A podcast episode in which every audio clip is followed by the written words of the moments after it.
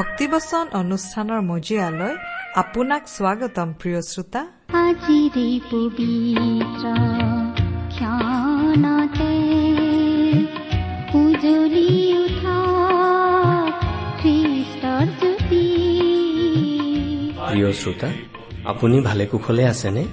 জীৱনৰ বিভিন্ন সমস্যাসমূহক জয় কৰি এক সুশৃংখল জীৱন যাপন কৰিবলৈ আমাৰ সকলোকে প্ৰয়োজন এজন প্ৰকৃত বন্ধু আৰু সাৰথী। এই সাৰথীজন হৈছে প্ৰভু যীশুখ্ৰীষ্ট। তেওঁ মানুহক মুক্তি আৰু প্ৰচুৰ জীৱন দিবলৈ ক্ৰুচত বলি হবলৈকো কুণ্ঠাবোধ নকৰিলে। সেয়েহে তেওঁহে আপোনাৰ মোৰ জীৱনক সঠিক পথেৰে আগবাঢ়ি যাওঁতে সহায় কৰিব পাৰে। তেওঁত আশ্ৰয় লৈ আমাৰ জীৱনে প্ৰকৃততে সঠিক জীৱনৰ বাট বিচাৰি পায়। গতিকে তেওঁৰ বিষয়ে আৰু অধিককৈ জানিবলৈ পবিত্ৰ বাইবেলৰ এই শিক্ষামূলক অনুষ্ঠান ভক্তিবচন মনোযোগেৰে শুনো।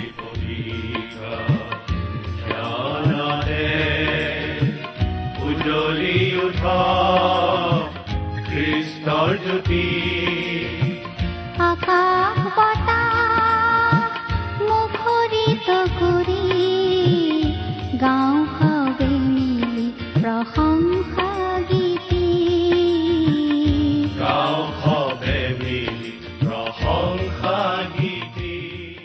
আমাৰ পৰম পবিত্ৰ প্ৰভু যীশুখ্ৰীষ্টৰ নামত নমস্কাৰ প্ৰিয় শ্ৰোতা। আশা কৰো মহান পিতা পৰমেশ্বৰৰ মহান অনুগ্ৰহত আপুনি ভালে কুশলে আছে। আপুনি বাৰু আমাৰ এই ভক্তিবচন অনুষ্ঠানটো নিয়মিতভাৱে শুনি আছেনে? শুনি বাৰু কেনে পাইছে? এই অনুষ্ঠান সম্বন্ধে আপোনাৰ মতামত আদি জনাই আমালৈ চিঠি লিখিবচোন। যদিহে আপুনি আমাৰ নিয়মীয়া শ্ৰোতা কিন্তু আমালৈ কেতিয়াও চিঠি পত্ৰ লিখাই নাই তেনেহলে আজিয়ে লিখিবচোন। যদিহে আমালৈ মাজে সময়ে চিঠি পত্ৰ লিখি আছে তেনেহলে আপোনাক ধন্যবাদ জনাইছো। আপোনালোকৰ পৰা চিঠি পত্ৰ পালে আমি আচলতে কাম কৰি যাবলৈ উৎসাহ উদ্দীপনা পাওঁ। আহকচোন আজিৰ বাইবেল অধ্যয়ন আৰম্ভ কৰাৰ আগতে খন্তেক প্ৰাৰ্থনাত মূৰ দুৱাওঁ আমি প্ৰাৰ্থনা কৰো। স্বৰ্গত থকা অসীম দয়ালু পিতৃ ঈশ্বৰ তোমাৰ মহান নামৰ ধন্যবাদ কৰো। তুমি সৰ্বশক্তিমান সৰ্বব্যাপী সৰ্বজ্ঞানী ঈশ্বৰ হৈও আমাৰ দৰে ক্ষুদ্ৰ মানৱক যে ইমান প্ৰেম কৰা সেই কথা ভাবিলেই আচৰিত লাগে। তুমি আমাক ইমানেই প্ৰেম কৰিলা যে আমাক পৰিত্ৰাণ দিবলৈ তুমি তোমাৰ একেজাত পুত্ৰ যীশুখ্ৰীষ্টকে আমালৈ দান কৰিলা। তেওঁ ক্ৰুচত নিজৰ পবিত্ৰ তেজেৰে আমাৰ পাপৰ প্ৰায়চিত্ৰ কৰিলে। আজি তেওঁত বিশ্বাস কৰি আমি অনন্ত জীৱন লাভ কৰি তোমাক পিতৃ বুলি মাতিব পৰা হৈছো। তাৰ বাবে তোমাক অশেষ ধন্যবাদ পিতা। এতিয়া আমি তোমাৰ মহান বাক্য বাইবেল শাস্ত্ৰ অধ্যয়ন কৰিবলৈ ওলাইছো। প্ৰাৰ্থনা কৰিছো পিতা। তোমাৰ বাক্য তুমিয়েই আমাক বুজাই দিয়া। এই অনুষ্ঠান শুনি থকা আমাৰ মৰমৰ শ্ৰোতাসকলক তুমি উপচি পৰাকৈ আশীৰ্বাদ কৰা। জাগতিক প্ৰয়োজনসমূহৰ লগতে তেওঁলোকৰ আধ্যামিক দিশৰ প্ৰয়োজনসমূহ তুমি পূৰণ কৰা। কিয়নো এই প্ৰাৰ্থনা আমাৰ মহান ত্ৰাণকৰ্তা মৃত্যুঞ্জয় প্ৰভু যীশুখ্ৰীষ্টৰ নামত আগবঢ়াইছো।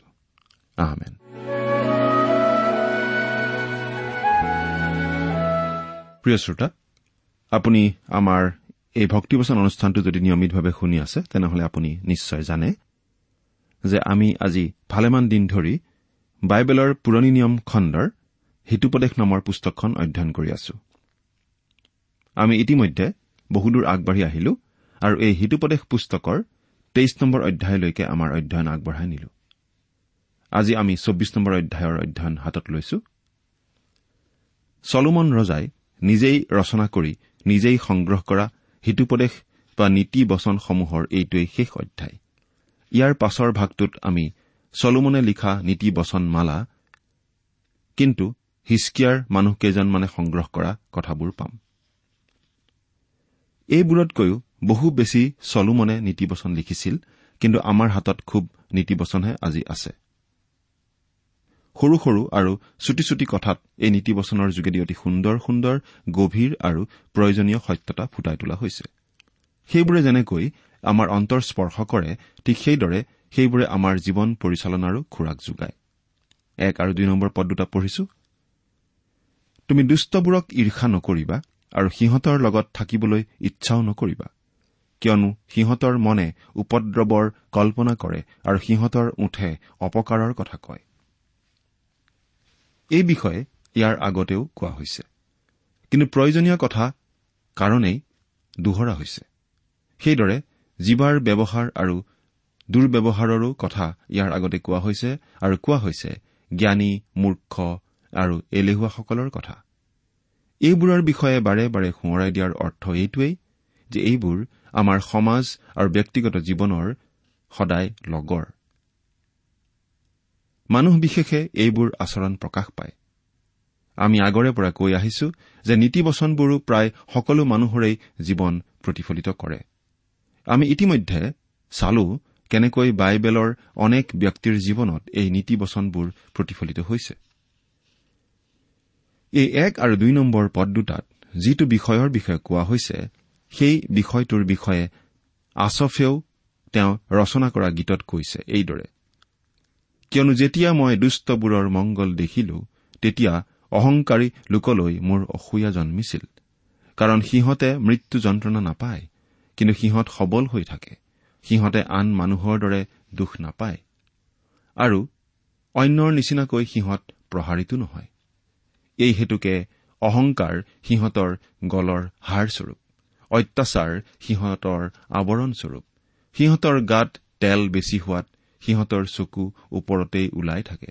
সিহঁতৰ মনৰ কল্পনা উপচি পৰা। সিহঁতে ইটিকিং কৰে আৰু দুষ্টতাৰে উপদ্ৰৱৰ কথা পাতে। সিহঁতে গৰ্ব কথা কয়। সিহঁতৰ মুখে স্বৰ্গ ঢুকি পায় আৰু সিহঁতৰ জীৱাই পৃথিৱী ভ্ৰমণ কৰে। দুষ্টলোকে উন্নতি কৰা বিষয়টোৱে আচফক বৰ অশান্তি দিছিল। আমাৰ বিশ্বাস এই বিষয়টোৱে আপোনাকো অশান্তি দিয়ে? এই বিষয়টো আমি এতিয়াও আচলতে অশান্তি পোৱা বিষয়। আমি বহু সময়ত ঈশ্বৰৰ ইচ্ছা বুজি নাপাওঁ। এতিয়া আমি যিখন ঠাইত থাকি কাম কাজ কৰি থাকো। সেইখন ঠাইত বৰ ওখ ওখ দীঘল দীঘল আৰু বিৰাট বিৰাট পকাৰ দালানৰ কাষেৰে যাওঁতে আমি ভাবো যে সেইবোৰ দালানৰ মানুহবিলাকেইটো বস্তু লুকুৱাই কৃত্ৰিম নাটনিৰ সৃষ্টি কৰে বস্তুবোৰ চৰা দামত বিক্ৰী কৰে নাইবা বস্তু ভেজাল কৰে। দুই নম্বৰ বহীত হিচাপ ৰখা কথাটো তেনেই সাধাৰণ কথা। ইমানবিলাক ভ্ৰষ্টাচাৰত পোত গৈ থাকিও সিহঁতৰহে উৎপাত বেছি। সিহঁতৰহে দুপদূপে উন্নতি আমি একো বুজি নাপাওঁ। বহু দুখীয়া লোকৰ দৰে। এজন তাৎপৰ্যহীন দাসে নিজকে অষ্টম দৰিদ্ৰ বুলিও কয়। সৰুকালৰে পৰা পঢ়াত তেওঁৰ বৰ ধাউতি আছিল। কিন্তু পঢ়া শুনা কৰাত আগুৱাব নোৱাৰিলে অভাৱৰ কাৰণে। এতিয়াও বৃদ্ধ বয়সতো ইটো সিটো কথাত মানুহক সহায় কৰিবলৈ প্ৰভুৰ পৰিচৰ্যাত পইচা খৰচ কৰিবলৈ বৰ ইচ্ছা কৰে। কিন্তু আত্মা ইচ্ছুক হলেও শৰীৰ দুৰ্বল। কিন্তু তেনেদৰে ইচ্ছা নকৰা অত্যাচাৰী নিষ্ঠুৰ আৰু ভ্ৰষ্টাচাৰীসকলৰহে বহুত পইচা। তেওঁলোকৰ কথা ভাবিলে নিশ্চয় হিংসা লাগিবৰে কথা। কিন্তু হিতুপদেশ দিওঁতা জনাই কৈছে যে আমি তেনেবোৰ মানুহক ঈৰ্ষা কৰিব নালাগে। আছফে কৈছে যে ঈশ্বৰৰ পবিত্ৰ স্থানত সোমাই এই বিষয়টো বিবেচনা নকৰালৈকে তেওঁৰ পক্ষে এইটো অত্যন্ত কষ্টদায়ক চিন্তা আছিল। তাৰ পাছতহে তেওঁ বুজি পাইছিল যে আচলতে ঈশ্বৰে তেওঁলোকক পিছল ঠাইত ৰাখিছিল তেওঁলোকক বিনাশলৈ পেলাই দিবলৈ সেইদৰে অস্থায়ীভাৱে উৎপাত কৰিবলৈ আৰু উন্নতিৰ মুখ দেখিবলৈ দিছে। লগতে আমি এই কথাও চিন্তা কৰি এই ক্ষেত্ৰত সান্তনা লাভ কৰিব পাৰো যে আমি প্ৰত্যেকে য'ত থাকিব লাগে ততেই ঈশ্বৰে আমাক ৰাখিছে। আমাৰ প্ৰত্যেকৰে এটা এটা উপযুক্ত স্থান আছে আৰু প্ৰত্যেকৰে জীৱনক লৈ ঈশ্বৰৰ একো একোটা উদ্দেশ্য আছে। আমাৰ উপযুক্ত স্থানত ৰাখিয়েই ঈশ্বৰে তেওঁৰ ইচ্ছা আমাৰ জীৱনত পূৰ্ণ কৰে। আমাৰ দায়িত্বটো হ'ল ঈশ্বৰত বিশ্বাস ৰাখি আমি আগবাঢ়ি গৈ থকাটোহে। ঈশ্বৰৰ দৃষ্টিকোণৰ পৰাও আমি বিষয়টোলৈ চাব লাগে। দুষ্ট মানুহৰ যে অন্ত সৰ্বনাশ তাৰ অনেক উদাহৰণ বাইবেলত আছে। বাইবেলৰ প্ৰথম পুস্তক আদি পুস্তকতেই কইন আৰু লোটৰ নিচিনা মানুহৰ কথা আমি পাওঁ। লোট পৰিত্ৰাণপ্ৰাপ্ত লোক হৈও তেওঁৰ লোভৰ কাৰণে তেওঁৰ অন্ত বৰ ভয়ংকৰ আছিল। ইস্কৰতীয়া যীহুদা প্ৰভুৰে শিষ্য হৈও তেওঁৰ বিশ্বাসঘাতকতা স্বভাৱৰ কাৰণে বৰ শোকাবহভাৱে জীৱনৰ সামৰণি পৰিছিল। ঈশ্বৰৰ বচনৰ মাজেৰেহে বুজিবলৈ দুৰ্বোধ্য এই বিষয়টো বুজিব পাৰি। তিনি আৰু চাৰি নম্বৰ পদ। প্ৰজ্ঞাৰ দ্বাৰাই ঘৰ নিৰ্মাণ আৰু বুদ্ধিৰ দ্বাৰাই স্থাপন কৰা হয়। জ্ঞানৰ দ্বাৰাই সকলো বিধৰ বহুমূল্য আৰু মনোহৰ বস্তুৰে কোঠালীবোৰ পৰিপূৰ্ণ হয়। আমি কি কৰা উচিত তাৰ এটা সুন্দৰ পৰামৰ্শ আমাক দিয়া হৈছে। মানুহ এজনে তেওঁৰ ঘৰখন সুন্দৰভাৱে সাজে আৰু সকলো প্ৰকাৰ সা সৰঞ্জামেৰে সৈতে ঘৰখন সজায় আৰু পৰাখিনিলৈকে ঘৰ এখনত লগা বস্তুবোৰ যোগাৰ কৰি লয়। এয়া ভাল কথা যে থাকিবলৈ আমাৰ ঘৰ এখন থাকে। কিন্তু এয়া কাঠ বাঁহ খেৰৰ ঘৰ বা ইটা বালি মছলাৰে তৈয়াৰী কৰা পকা ঘৰ। আৰু এবিধ ঘৰ আমি সাজিব লাগে আৰু সেই ঘৰ হৈছে প্ৰজ্ঞা আৰু জ্ঞানৰ ঘৰ। এইখন ঘৰ সাজি আমি আমাৰ মন প্ৰাণ আৰু আত্মাৰ বাবে প্ৰয়োজন হোৱা সকলো সা সৰঞ্জাম আহৰণ কৰি ল'ব লাগে। পাচনি পৌলে তেওঁৰ ধৰ্মপুত্ৰ তিমঠিয়ক তাকেই কৰিবলৈ পৰামৰ্শ দিছিল এইদৰে লিখি তুমি নিজকে পৰীক্ষাসিদ্ধ লোক লাজৰ যোগ্য নোহোৱা কৰ্মকাৰী আৰু সত্যৰ বাক্য ঠিকৰূপে বিভাগ কৰাত নিপুণ লোক কৰি ঈশ্বৰৰ আগত উপস্থিত কৰিবলৈ যত্ন কৰা। দ্বিতীয় তিমঠিয় দুই নম্বৰ অধ্যায়ৰ পোন্ধৰ নম্বৰ পদ। এইদৰে ঈশ্বৰৰ বচনেৰে ঈশ্বৰৰ বচনৰ জ্ঞানেৰে আমি আমাৰ জীৱনৰ মজবুত ঘৰ নিৰ্মাণ কৰিব লাগে। জীৱনৰ পঁজা ঘৰখনকে লৈ আমি সন্তুষ্ট থাকিব নালাগে। কেতিয়াবা আমি দেখা পাওঁ চহৰৰ পঁজাবাসী বা গাঁৱৰ অতি দুখীয়া মানুহৰ ঘৰবিলাক। কি যে জৰাজীৰ্ণ বাস কৰিবৰ অনুপযুক্ত। আমাৰ অধিক ভাগৰেই জীৱন ঘৰবোৰ তেনে অৱস্থাৰ। আমাৰ বেছিভাগ লোকৰেই জীৱন ঘৰবোৰ তেনেকুৱা দুখ লগা অৱস্থাৰ। ঈশ্বৰৰ বচনৰ জ্ঞান আৰু প্ৰজ্ঞাৰ অভাৱত অনেক খ্ৰীষ্টীয় লোক এনেকি অধিকভাগ খ্ৰীষ্টীয় লোকে জৰাজীৰ্ণ উৰুখি যোৱা জীৱন ঘৰবোৰত বৰ পুতৌ লগাভাৱে জীৱন ধাৰণ কৰি থাকে। এৰা প্ৰিয় শ্ৰোতা আজিৰ খ্ৰীষ্টীয় মণ্ডলীসমূহত আটাইতকৈ দুখ লগা বিষয়টো হৈছে খ্ৰীষ্টীয় লোকসকলৰ বাইবেলৰ জ্ঞানৰ অভাৱ। তেওঁলোকৰ সৰু সৰু খ্ৰীষ্টীয় জীৱনৰ ঘৰবোৰ খালী খালী।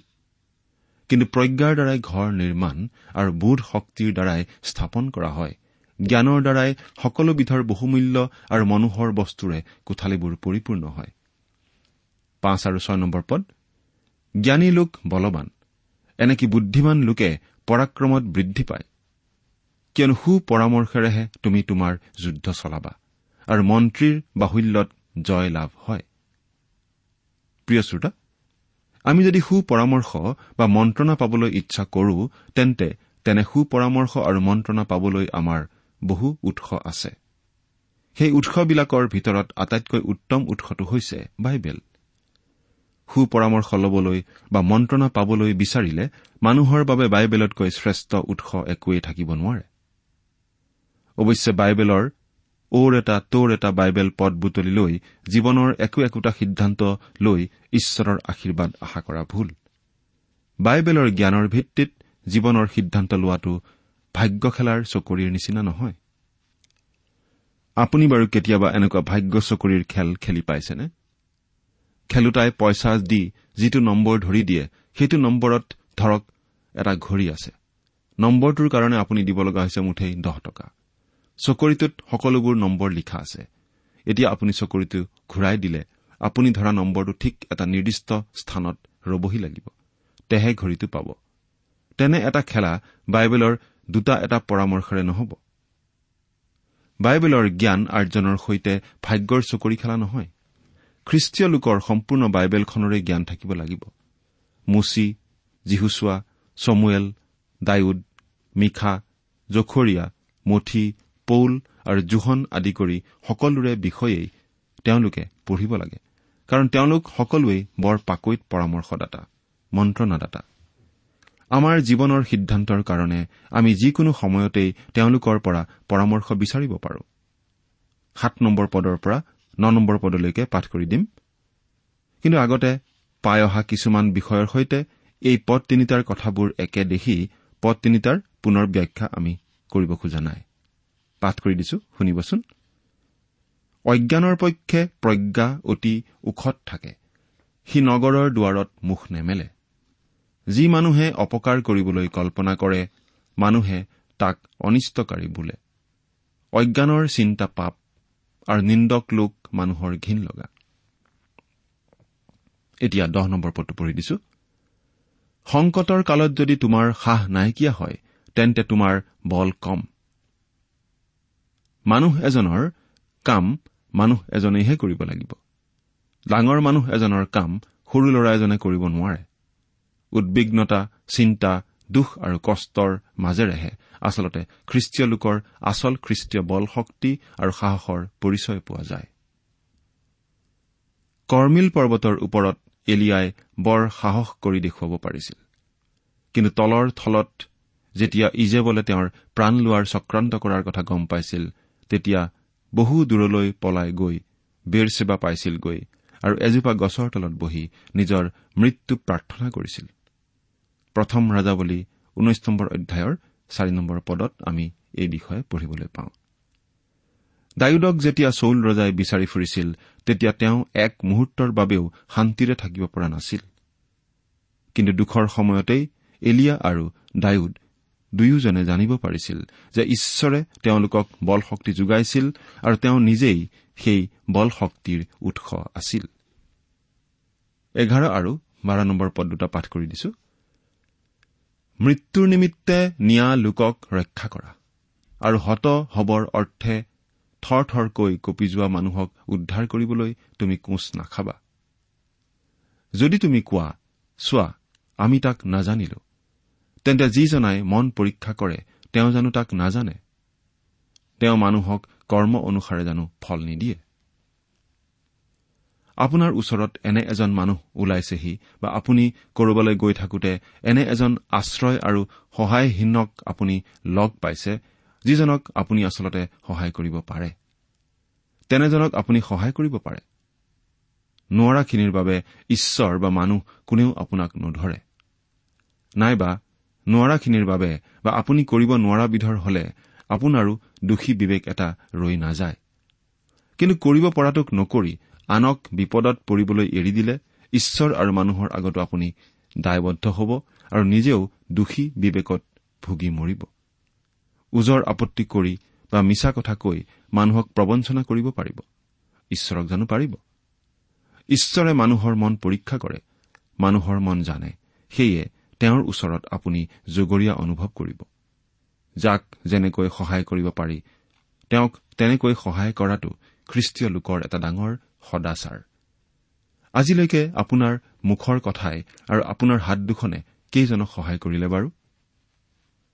এতিয়া তেৰ আৰু চৈধ্য নম্বৰ পদত শুনিবচোন। প্ৰজ্ঞা আৰু জ্ঞান যে জীৱনৰ বাবে মৌ মিঠাৰ নিচিনা জীৱন মিঠা কৰি ৰাখোতা পুৰস্কাৰ কৰাওঁতা আৰু আশা পূৰ্ণ কৰোতা। তেৰ আৰু চৈধ্য নম্বৰ পদ দুটা পঢ়ি দিছো। হে মোৰ বোপা যেনেকৈ তুমি সুস্বাদু বুলি মৌ খোৱা আৰু মৌৰ কোঁহ তোমাৰ জীৱাত মিঠা লাগে। তেনেকৈ প্ৰজ্ঞাকো তোমাৰ নিজ মনত বাঞ্ছনীয় জ্ঞান কৰা। তাক পালে পুৰস্কাৰ হ'ব আৰু তোমাৰ আশা ছেদ কৰা নহ'ব। হেৰ দুষ্ট মানুহ ধাৰ্মিকৰ নিবাসৰ বিৰুদ্ধে খাপ দি নাথাকিবি আৰু তেওঁৰ আশ্ৰম নষ্ট নকৰিবি। ধাৰ্মিক লোকে ঈশ্বৰক ধন্যবাদ দিব লাগে। এনেই সাধাৰণবোৰ কাৰণত নহয় এটা বিশেষ কাৰণত যে দুষ্টই ধাৰ্মিকৰ নিবাস আৰু আশ্ৰম নষ্ট কৰিব নোৱাৰে কাৰণ সি সতৰ্কবাণী পাই থৈছে। কিয়নো ধাৰ্মিক লোক সাতবাৰ পৰিও আকৌ উঠে কিন্তু দুষ্টবোৰ আপদত পৰি বিনষ্ট হয়। সাত সংখ্যাটো সম্পূৰ্ণতাৰ সংখ্যা। ইয়াৰ মানে হৈছে যে মানুহ পৰিয়েই থাকে কিন্তু ন্যায়বান বা ধাৰ্মিক মানুহজন পৰিলেও আকৌ উঠে। তেনেকুৱা এজন ব্যক্তি আপুনি দেখুৱাই দিব পাৰিবনে? হয়। চিমুন পিতৰ আছিল তেনেকুৱা এজন লোক। আনহাতে চাওক পদটোত কোৱা হৈছে যে দুষ্ট মানুহ আপদত পৰি বিনষ্ট হয়। তেনে দুষ্ট মানুহ এজনলৈকো আপুনি আঙুলিয়াব পাৰিবনে? এৰা ঈশ্বৰ এতিয়া যিহেতু আছিল ঠিক তেনেকুৱা লোক। এই পদটোৱে প্ৰভুৰ সেই দাস দুজনলৈকে আঙুলিয়ায়। পিতৰ এনে লোক আছিল যিজন প্ৰায় অনবৰতেই পৰি আছিল। আমি ক'ব পাৰো যে তেওঁ পৰিছিল অৰ্থাৎ কৃতকাৰ্য হোৱা নাছিল যেতিয়া তেওঁ সাগৰৰ পানীৰ ওপৰত খোজকাঢ়িবলৈ ইচ্ছা কৰিছিল। পানীৰ ওপৰত খোজকাঢ়িবলৈ ইচ্ছা কৰি তেওঁ পিছত নিজে চেষ্টা কৰি বিফল হৈছিল। প্ৰভু যীশুৰ কাষলৈ যাবলৈ তেওঁ পানীৰ ওপৰেৰে খোজকাঢ়ি গৈছিল ভালেই কৰিছিল। কিন্তু যি মুহূৰ্ততে তেওঁ প্ৰভুৰ ফাললৈ চাবলৈ এৰি তলত সাগৰৰ পানীলৈ চাবলৈ ধৰিলে সেই মুহূৰ্তত তেওঁ ডুবিবলৈ আৰম্ভ কৰিলে। প্ৰভুৱে তেওঁক ৰক্ষা কৰাত প্ৰভুৰ সৈতে একেলগে নাওখনত গৈ উঠিছিল। কিন্তু যি নিশা প্ৰভুক গ্ৰেপ্তাৰ কৰা হৈছিল সেই নিশা হলে পিতৰ সঁচাকৈ অকৃতকাৰ্য হৈছিল অৰ্থাৎ তেওঁ পৰিছিল। সেই নিশা তেওঁ প্ৰভুক তিনিবাৰকৈ অস্বীকাৰ কৰিছিল। বাৰে বাৰে পিতৰ প্ৰভুৰ পৰা সৰি পৰিছিল।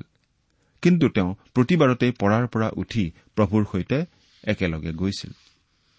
এবাৰ এজন মানুহ এগৰাকী প্ৰভুৰ দাসৰ গুৰিলৈ আহি কৈছিল মই বহুবাৰ ঈশ্বৰৰ পৰা খহি পৰিছো আৰু এতিয়া পুনৰ তেওঁৰ গুৰিলৈ গৈ কবলৈ লাজ পাইছো যে মই তেওঁৰ পৰা খহি পৰিছো। ঈশ্বৰৰ দাসগৰাকীয়ে উত্তৰত কৈছিল আপুনি লাজ পাব পাৰে কিন্তু প্ৰভুৱে লাজ নাপায়। আপুনি পৰাৰ পৰা উঠিলে তেওঁ পুনৰ আপোনাৰে সৈতে আকৌ যাত্ৰা আৰম্ভণ কৰিবলৈ সদায় প্ৰস্তুত। তেতিয়া সেই মানুহজনে প্ৰভুৰ দাসগৰাকীক পুনৰ সুধিছিল আপুনি বাৰু কি বুলি ভাবে? আপুনি কেইবাৰ পৰি আকৌ উঠি প্ৰভুৰ গুৰিলৈ যাব পাৰে? উত্তৰত ঈশ্বৰৰ দাসগৰাকীয়ে কৈছিল মই সঠিক নাজানো কেইবাৰ পৰি আকৌ উঠি প্ৰভুৰ গুৰিলৈ গৈছো। এশবাৰ মানেই হৈছে চাগে। কিন্তু মই এতিয়াও উঠি তেওঁৰ কাষলৈ যাওঁ। আমি যে পিছল বাটত আকৌ পৰিলো আৰু কাপোৰে কানিয়ে গোটেইখন বোকা পানী লাগি লেতেৰা হৈছো সেই কথাটো পিতৃ ঈশ্বৰৰ গুৰিলৈ গৈ তেওঁক জনোৱা যে অত্যন্ত প্ৰয়োজন তাক আমি আটায়ে জনাটো প্ৰয়োজনীয় কথা। তেনে এগৰাকী পিতৃ ঈশ্বৰৰ সন্তান হ'ব পৰাটো কিমান গৌৰৱৰ কথা। তেওঁ বাৰু আপোনাৰ পিতৃনে বা আপুনি বাৰু তেওঁৰ সন্তান হৈছেনে? চিন্তা কৰি চাওকচোন। এতিয়া সোতৰ নম্বৰ পদ পঢ়িছো। তোমাৰ শত্ৰুৰ পতনত আনন্দ নকৰিবা আৰু সি উজুতি খোৱাত তোমাৰ মন উল্লাসিত নহওক। চিন্তা কৰি চাওকচোন প্ৰিয় শ্ৰোতা। আপুনি ভাল নোপোৱা কোনো এজন মানুহৰ আপদ বা অঘটন ঘটিলে আপুনি নকয়নে? তেওঁৰ তেনেকুৱা হোৱাই মই ভালে পাইছো। কোৱা নাই কোৱা নাই বুলি মিছা নকব কাৰণ এইটোৱেই মানৱ জাতিৰ স্বভাৱ। আপুনি যদিও মুখেৰে নকয় তথাপিতো মনত নিশ্চয় ভাবে। কিন্তু ঈশ্বৰে কৈছে তোমাৰ শত্ৰুৰ পতনত আনন্দ নকৰিবা কাৰণ এই মনোভাৱে কোনো উপকাৰ নকৰে। কিয়? তাৰ উত্তৰটো আমি ওঠৰ নম্বৰ পদত এনেদৰে পাওঁ। হলে জিহুৱাই তাক দেখি অসন্তুষ্ট হ'ব আৰু তেওঁ তাৰ পৰা নিজ ক্ৰোধ ঘূৰাব। এয়া চাওক আপুনি যদি শত্ৰুৰ পতনত আনন্দ কৰে তেন্তে ঈশ্বৰে আপোনালৈ পিঠি দি সেই শত্ৰুকহে আশীৰ্বাদ কৰিব পাৰে। তেতিয়া আপুনি আৰু বেছি দুখত পৰিব। আৰু এই কথাটো বহু ক্ষেত্ৰত সঁচা বুলি প্ৰমাণিত হৈ আহিছে। সেইকাৰণে শত্ৰুৰ পতনত উল্লাসিত নহ'ব। তুমি দুৰাচাৰীবোৰৰ কাৰণে বেজাৰ নকৰিবা আৰু দুষ্টবোৰক ঈৰ্ষা নকৰিবা। এই কথাখিনি আমি ইতিমধ্যে আলোচনা কৰি আহিছো। আপুনি ভাবিব পাৰে যে একে কথা দুবাৰ কোৱাৰ কি দৰকাৰ? দৰকাৰ আছে কাৰণ এইটো দৰকাৰী কথা। এই কথাটো ঈশ্বৰে আমাক জানি থবলৈ কৈছে। আপুনি হয়তো মন কৰিছে যে কিছুমান দৃষ্টান্ত আৰু প্ৰভু যীশুৰ অলৌকিক কাৰ্য শুভবাৰ্তাত বাৰে বাৰে উল্লেখ কৰা হৈছে। যেনে প্ৰভু যীশুৱে পাঁচ হাজাৰ মানুহক খুওৱাটো শুভবাৰ্তাৰ চাৰিওখন পুস্তকতেই উল্লেখ কৰা হৈছে। কাৰণ তাৰ ভিতৰত যিবোৰ মহৎ মহৎ শিক্ষা আছে সেইবিলাক আমি নজনাকৈ থকাটো ঈশ্বৰে বিচৰা নাই। তেনেদৰে কিছুমান বিশেষ দৰকাৰী কথা ঈশ্বৰে আমাক বাৰে বাৰে কৈছে। বিশ নম্বৰ পদৰ পৰা তেইছ নম্বৰ পদলৈকে পাঠ কৰিম। কিয়নো দুষ্ট লোকে পুৰস্কাৰ নাপাব আৰু দুৰ্জনবোৰৰ প্ৰদীপ নুমাই যাব। হে মোৰ বোপা জিহুৱাক আৰু ৰজাক ভয় কৰা। আৰু পৰিৱৰ্তন প্ৰিয়বোৰৰ সখা নহবা কিয়নো সিহঁতৰ বিনাশ অকস্মাতে ঘটিব। সেই উভয়ৰ সংহাৰ কোনে জানিব পাৰে? এইবোৰো জ্ঞানীবিলাকৰ বচন। বিচাৰত মুখ চোৱা উচিত নহয়। এজন ডেকাই প্ৰজ্ঞাৰ কলেজত স্নাতক উপাধি লাভ কৰাৰ আগতে এই কথাটো জনা অতি দৰকাৰ যে বিচাৰত কাৰো মুখ চোৱা উচিত নহয়। অৰ্থাৎ বিচাৰত কাৰো পক্ষপাতি হ'ব নালাগে। আমাৰ দৈনন্দিন জীৱনতো এই কথাটো মনত ৰাখিব লাগে আৰু প্ৰয়োগ কৰিব লাগে। ৰাজহুৱা বা চৰকাৰী কাম কৰা মানুহ শাসন আৰু বিচাৰত থকা লোকসকলে এই উপদেশমতে কাম কৰা অতি প্ৰয়োজন। কিন্তু আজিৰ সমাজত ইয়াৰ ওলোটাহে দিনক দিনে ঘটা আমি দেখিবলৈ পাওঁ। কিন্তু ঈশ্বৰে কৈছে বিচাৰত সদায় নিৰপেক্ষ হ'ব লাগে। চৌবিছৰ পৰা সাতাইছ পদলৈ পঢ়িম। যিজনে দুষ্টক তুমি ধাৰ্মিক বুলি কয় প্ৰজাবিলাকে তাক সাও দিব আৰু জাতিবিলাকে ঘীন কৰিব। কিন্তু যিবিলাকে তাক ভৰ্চনা কৰে তেওঁবিলাকৰ মংগল হয়। তেওঁবিলাকৰ ওপৰত উত্তম আশীৰ্বাদ পৰে। যি মানুহে যথাৰ্থ উত্তৰ দিয়ে তেওঁ ওঠক চুমা খায়। মুকলিতে তোমাৰ কাম কাৰ্য ঠিক কৰা আৰু পথাৰত এটা সিদ্ধ কৰা। পাছেহে তোমাৰ ঘৰ বাৰী পাতিবা। দিনকাল সঁচাকৈ পৰিৱৰ্তিত হৈছে। ধন নথকা জ্ঞানী গুণী সৰল আৰু সৎ লোকে সন্মান পোৱা দিন আৰু নাই। দুষ্ট লোকেহে মান সন্মানৰ প্ৰশংসা পায়। কিন্তু ঈশ্বৰে এদিন সেইসকলক সন্মান দিব। আঠাইছৰ পৰা ত্ৰিশ নম্বৰ পদ। অকাৰণতে তোমাৰ চুবুৰীয়াৰ অহিতা সাক্ষী নহবা কিয়নো তুমি জানো নিজ মুখেৰে প্ৰতাৰণা কৰিবা। সি মোলৈ যেনে কৰিলে ময়ো তালৈ তেনে কৰিম তাৰ কৰ্ম অনুসাৰে তাক ফল দিম এনে কথা নকবা। মই এলেহুৱাৰ খেতিৰ কাষেদি জ্ঞানশূন্যৰ দ্ৰাক্ষাবাৰীৰ ওচৰেদি গৈছিলো। একত্ৰিশৰ পৰা ছত্ৰিশলৈকে একেলগে পঢ়ি দিছো। চোৱা সেই সকলো হাবি হৈ উঠিল আৰু সেই সকলোকে কাঁইতে ছাতি ধৰিলে আৰু তাৰ শিলৰ বেৰা ভাগি গ'ল। তাকে চাই মই মনে মনে বিবেচনা কৰিলো আৰু তাক দেখি শিক্ষা পালো।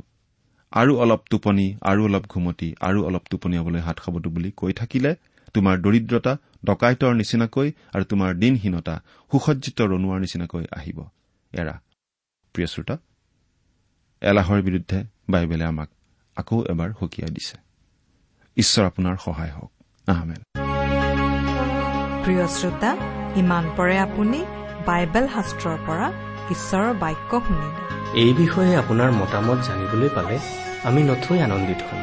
আমি প্ৰস্তুত কৰা বাইবেল অধ্যয়নৰ চিডিসমূহ পাব বিচাৰিলে আৰু অনুষ্ঠানত প্ৰচাৰ কৰা কোনো কথা বুজিব লগা থাকিলেও আমালৈ লিখক। আমাৰ যোগাযোগৰ ঠিকনা ভক্তিবচন ট্ৰান্সৱৰ্ল্ড ৰেডিঅ' ইণ্ডিয়া ডাক বাকচ নম্বৰ সাত শূন্য গুৱাহাটী সাত আঠ এক শূন্য শূন্য। ঠিকনাটো আকৌ এবাৰ কৈছো ভক্তিবচন ট্ৰান্সৱৰ্ল্ড ৰেডিঅ' ইণ্ডিয়া ডাক বাকচ নম্বৰ সাত শূন্য গুৱাহাটী সাত আঠ এক শূন্য শূন্য এক। আৰু কলৈনো যাবাগে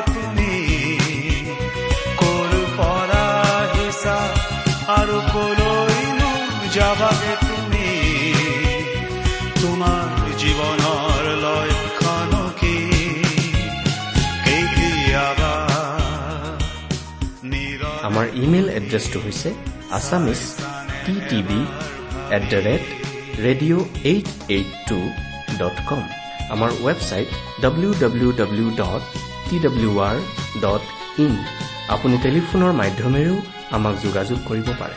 আমাৰ টেলিফোন নম্বৰটো হৈছে nine eight five four zero' four zero' eight eight nine phone নম্বৰটো আকৌ এবাৰ কৈছো ন আঠ পাঁচ চাৰি শূন্য চাৰি শূন্য আঠ আঠ ন।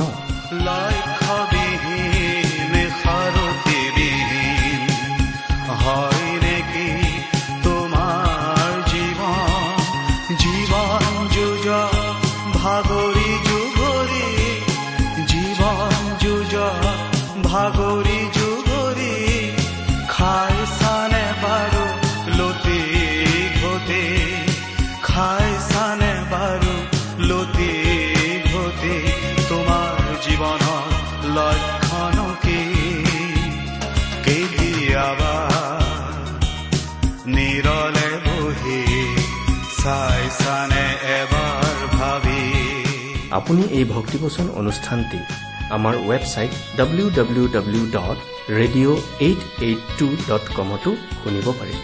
আজিৰ অনুষ্ঠানটি ইমানতেই সামৰিছো। ঈশ্বৰৰ শান্তি আৰু অনুগ্ৰহ আপোনাৰ লগত থাকক। ধন্যবাদ।